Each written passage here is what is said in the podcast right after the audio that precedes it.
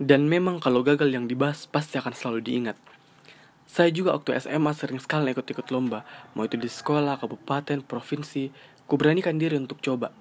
Ada yang menang memang, dan sangat kusyukuri itu. Tapi banyak yang gagal, dan itu tuh aku jadikan motivasiku.